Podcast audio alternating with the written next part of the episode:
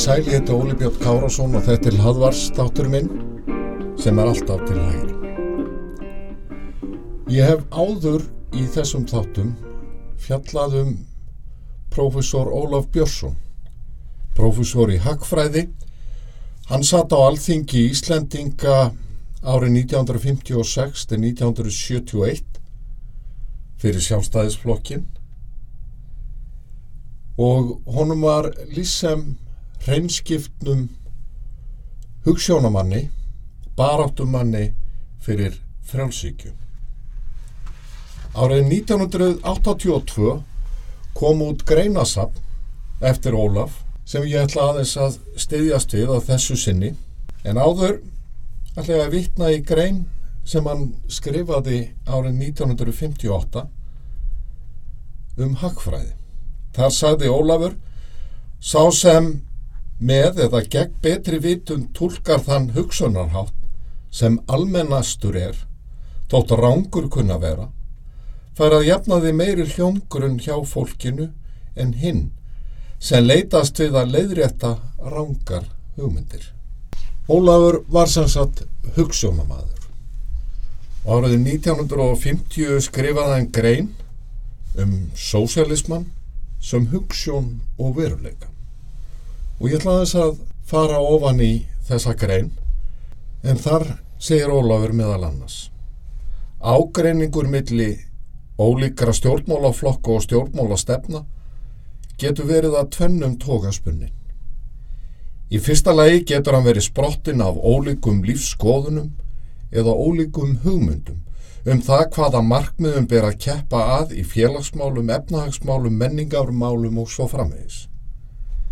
Sem dæmum það má nefna ólíkar skoðanir á því hvaða stjórnar far hendi best, hvort það sé líðræði eða einræði, en fremur ágreiningu um það hvort tekjuskiptingin skulu vera jöfn eða ójöfn og svo framvegis.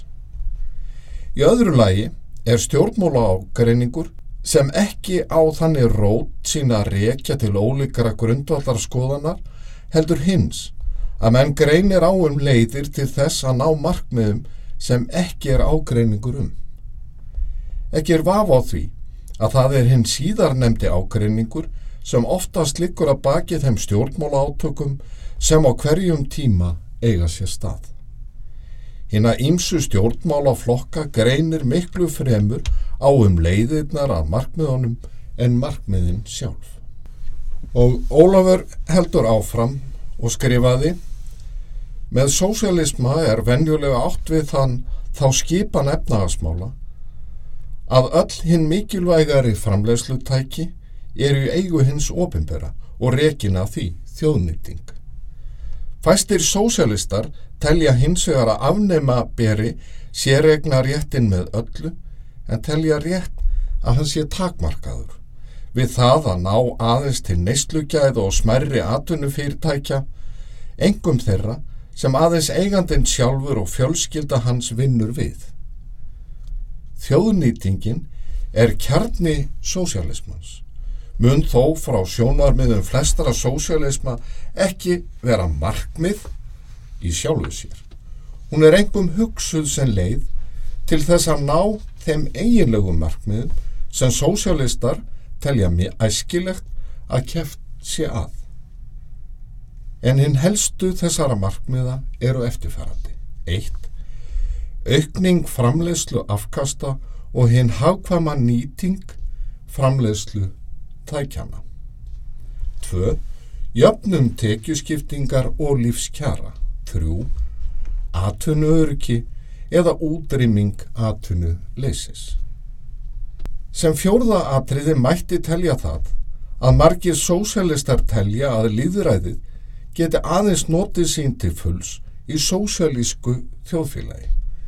Því þar sé ekki aðeins um stjórnafarslegt líðræði að ræða, heldur einni efnahagslegt líðræði, en hefð síðar nefnda sé skilirði þess að hefð fyrrnemda getur notið sín.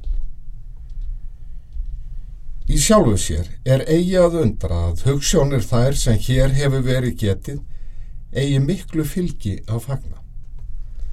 Þær eru í rauninni sameigilegar öllum þorra manna í líðfrjálsum löndum, hvort sem þeir aðhyllast engarekstur, samvinnurekstur, þjóðnýtingu eða eitthvað annað. Gaggrínin gegn sósælismannum beinist því ekki gegn þeim markmiðum sem flestir fylgjendur hans telja æskileg, heldur er hún reist á því að anstæðingar hans telja að þjóðnýtingar stefna sósælismans sé ekki fær leið til þess að ná þeim markmiðum sem henn er ætlað, heldur mun árangur hennar beinlýnis vera öfugur við það sem til er ætlast af halvu fylgismanna hans. Og síðar tekur Ólafur dæmi og heldur áfram og segir Helstu rauk sósælista fyrir því að sósælismin muni auka framleiðslu afkostin eru þau að með því að þjóðnýta atvinnutækin megi framleiði í starri stíl en ella og njóta þannig þeirra hagkvæmni sem stórreksturinn hefur í förmöð sér en í öðru lagi benda sósjálistar á það að slíkt fyrirkomulag tryggi fullkomnari nýtingu framleiðslu tækjana og leiði þannig til aukinar framleiðslu afkasta. Þessi rauk fá þó ekki staðist. Þið efnaðarslega vandamál er ekki fólkið í því að sjá sem best fyrir því að framleiðslutækin séu starrakt á einhvern nátt heldur í hinnu að framleiðslan sé á hverjum tíma í sem bestu samræmi við þarfinnar. Það er tiltulega auðvelt að sjá fyrir því að allir hafi eitthvað að starfa ef ekkert er hýrt um það að vinnuaflið sé hagnýtt á sem hagkvæmastan hátt. Og það er engin vafa á því að dreifing framleiðslu tækjana og hendur margara eiganda fullnægir miklu betur þeirri kröfu að framleiðslan sé í sem bestu samræmi við þarfinnar heldur en þjóðnýtingin það sem ráðstöfun framleiðslu tækjana er aðeins í höndum farra manna.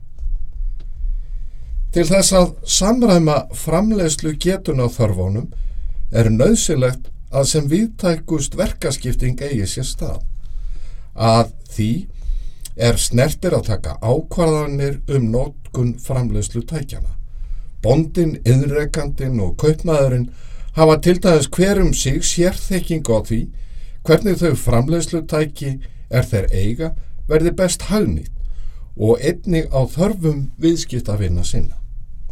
Þessi sérþekking myndi að mestu fara forgorðum ef slíkar ákvarðanir væru teknar af örfa og mönnum svo sem óhjákamilegt væri í skipulagi sósialismans.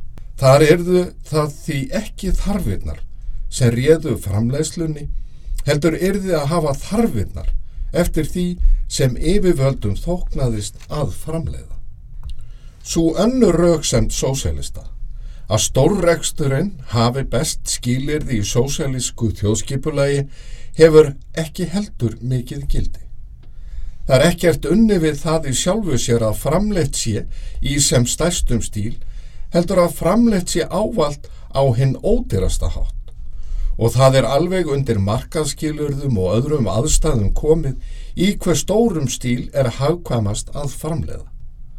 Það borgar sig til dæmis ekki fyrir einirkja á afdalagjörð að kaupa dýra dráttarvél eða að kaupa til dæmis nýtisku tógara til þess eins að fiska í svoðið handa grimseyingum. Stærð markaðarins hefur vennjulega úslita áhrif á það í hver stórum stíl borgar sig að framleiða. Og síðan í greininni skrifar Ólafur um sósialisman og atvinnu öryggið. Hann skrifaði Það er að jafnaði eitt helsta atriði í gaggrinni sósialista á hendur sérregnaskipulagsins að slíkt skipulag sé háð hagsveiplum og atvinnukreppum en til þess að ráða bót á slíkum ágöllum sérregnaskipulagsins og skapa öllum atvinnuöryggi sé nöðsynlegt að taka upp þjóðnýtingar fyrirkomulegi. Sá sannleikskjarni fælst í þessari gaggrinni að hagsveiplunar eru eittið mikilvægasta vandamál sérregna skipulagsins. Hagfræðingar munu þó nú yfirlegt sammála um það að með skinsalegum ráðstöfunum á sviði peningamála og fjármála megi koma í vekk fyrir tilfinningalegt atunleysi einnig innan sérregna skipulagsins. Verður þó eigi um að fara nánar út í það hér skrifar Ólafur en heldur síðan áfram, það máti sannsvegar færa að atunleisis vandamálið mynda ímsuleiti verða auðvöldara viðfangs í sósialísku þjóðskipulegi. En atunu öryggi það er með njóta þar, er þið atunu öryggi hins ánauðuga eða fangans. Þeir sem með ríkisvaldi færi hverju sinni er þið einráðir um það hvaða atvinna væri í bóði handa hverjum einstökum, á hvaða stað og með hvaða kjörum. Það sem ríkið væri eini aturreikandin hefðu valdhafar þess í rauninni allræðisvald í efnahagsmálum og er þið hver og einn einstaklingur því að láta sér næja þá atvinnu og hver þau kjör sem í bóði væru af hálfu valdhafana. Ólafur skrifar um sósialisman og líðræðið sem hann tilur að geti aldrei farið saman og þjóðnýting framlegslu tækjana standist ekki kröfur líðræðisins. Og hann skrifaði meðal annars en þóttinn óbreytti borgari sé þannig að nafninu til meðægandi þessara tækja, það er að segja eftir þjóðnýtingu, getur það aldrei komið til greina í framkvæmdini að hann hafi neyn bein áhrif á það hversu þau eru hagnið fremur en til dæmisinn óbreytti kjósandi hér á landi hefur nokkur áhrif á stjórn síldarvesmiða ríkisins. Síldarvesmiðu ríkisins voru reygin hér áratugum saman. Stjórn hinn að þjóðnýttu fyrirtækja hlýtur ávalt að vera í höndum fára þar tilskipara embætismanna án þess að hinn óbreytti kjósandi hafi nokkur áhrif á val þeirra eða gerðir. Í rauninni eru áhrif borgarana í stjórnin að þjóðnýttu fyrirtækja þó minni þar sem þjóðnýtingi nær til alls atunlífsins heldur en þar sem aðeins fá fyrirtæki eru reygin að finna ofinbera. Stafar þetta að því að þar sem um algjör að þjóðnýtingu er að ræða hafa borgarannir ekki lengur aðstöðu til þess að gaggrina þau yfirvöld er efnahagsmálum stjórna. Einstaklingurinn verður það svo háður yfirvöldum í því er snertir efnahags afkomu sína að hann hefur enga aðstöðu til þess að gaggrina þau eða veita þeim nokkra andstöðu. En aðstafa til þess að gaggrina stjórnarvöldin er frumskilirði og hortsteitt hinn að líðræðislegu mannréttinda. Af þessu leiðir að því fer svo fjari að sósalismin sé spór í áttina til aukins líðræðis að hann er beinleginis ósamrýmanlegur líðræðis hugssjónni. Hvað verður til dæmis um prentfrelsið í þjóðfélagi það sem ríkið á allar prentsmiður og enginn getur fengið neitt prentað nema með leifi fulltrúa þess. Og Ólafur skrifaði áfram Markmið sósjálismans er framkvæmt hugssjóna sem megin þorri fólks í hennum frjálsu löndum heims aðhyllist. Þær hugssjónir eru velmögun, öryggi, jöfnuður og líðræði. En allstaðar, það sem sósialismannum hefur verið komið á, hefur reyndin orði örbyrð, ójöfnuður og takmarka löst innræði. Og enda þá tekist hafi að tryggja atvinnuöryggi, þá hefur í stað þess komið hið persónlega örgisleysi sprottið af sífældum óta fólksins við hið alla ráða ríkis löðruglu. Hvernig má skýra þann harmleik að stefna sem þannig hefur í rauninni góðan tilgang leiðir til ástands sem í öllum aðalatriðum verður anstaða þess sem aður kæft. Skýringin á þessu er í fæstum tilfellum yllviljið þeirra sem forgöngu höfðu um það að koma sósjálismannum á, heldur hitt að úrraði sósjálista hljóta í öllum aðalatriðum að leiða til árangurs sem er hinn gagstæði við það sem til var ætlast. Og Ólafur heldur áfram og hafið í huga að þessi grein var skrifuð 1950 og byrtist í stefni. Hinn mikla útbreysla sósjálismans ekki engungu í þau löndum þar sem honum hefur verið komið á. Heldur og annar staðar er alvarlegasta óknin sem nú stedjar að frelsi mannkins velmögun þess og framförum. En hverjar eru orsakir þess að sósialismin á slíku fylgi að fagna? Jafnvel í þeim löndum, þar sem almenningur telur frelsi, líðræðisleg mannréttindi, svo mikilsverð gæði að verðt sé jafnvel að fórna fyrir þau lífinu. Einstakir fylgismenn sósialismans gera sér þess að vísu fulla grein hvernig hann muni verða í framkvæmt. Það eru menn sem einhverja ástæðna vegna hafa orðið ósáttur við þjóðfélagið og skeftir að koma fram á því hemdum.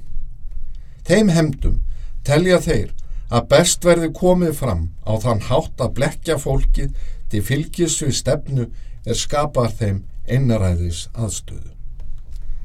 Fæstir fylgjandur sósélismans hafa þó slíkt hugafar til að bera. Lang flestir fylgismenn hans aðhyllast hann af vannþekkingu. Vannþekkingin er örgasti bandamaður sósélismans og aðeins með útrýmingu hinnar almennu vannþekkingar á þjóðfélagsmálum verður unnin bugur á þeirri mestu hættu sem nú steðjar af frelsi og velmiðun mannkins. Það er þó miklu torveldara viðfónsefni en í fljótu bræði kannavirðast að vinna bug á þessari vannþekkingu. Aukin fræðsla almennings er miklu meiri vannkvæðum bundin en öll önnur fræðslu starfsemi. Valda því bæði fyrirfram rótgrónir hleypidómar og pólitískar trúarjátningar svo og það hversu flókið samhengi efnahagsmála er sem veldur því að raunveruleikin er oftast frábröðin því sem virðast kann við yfirborðslega aðtúum.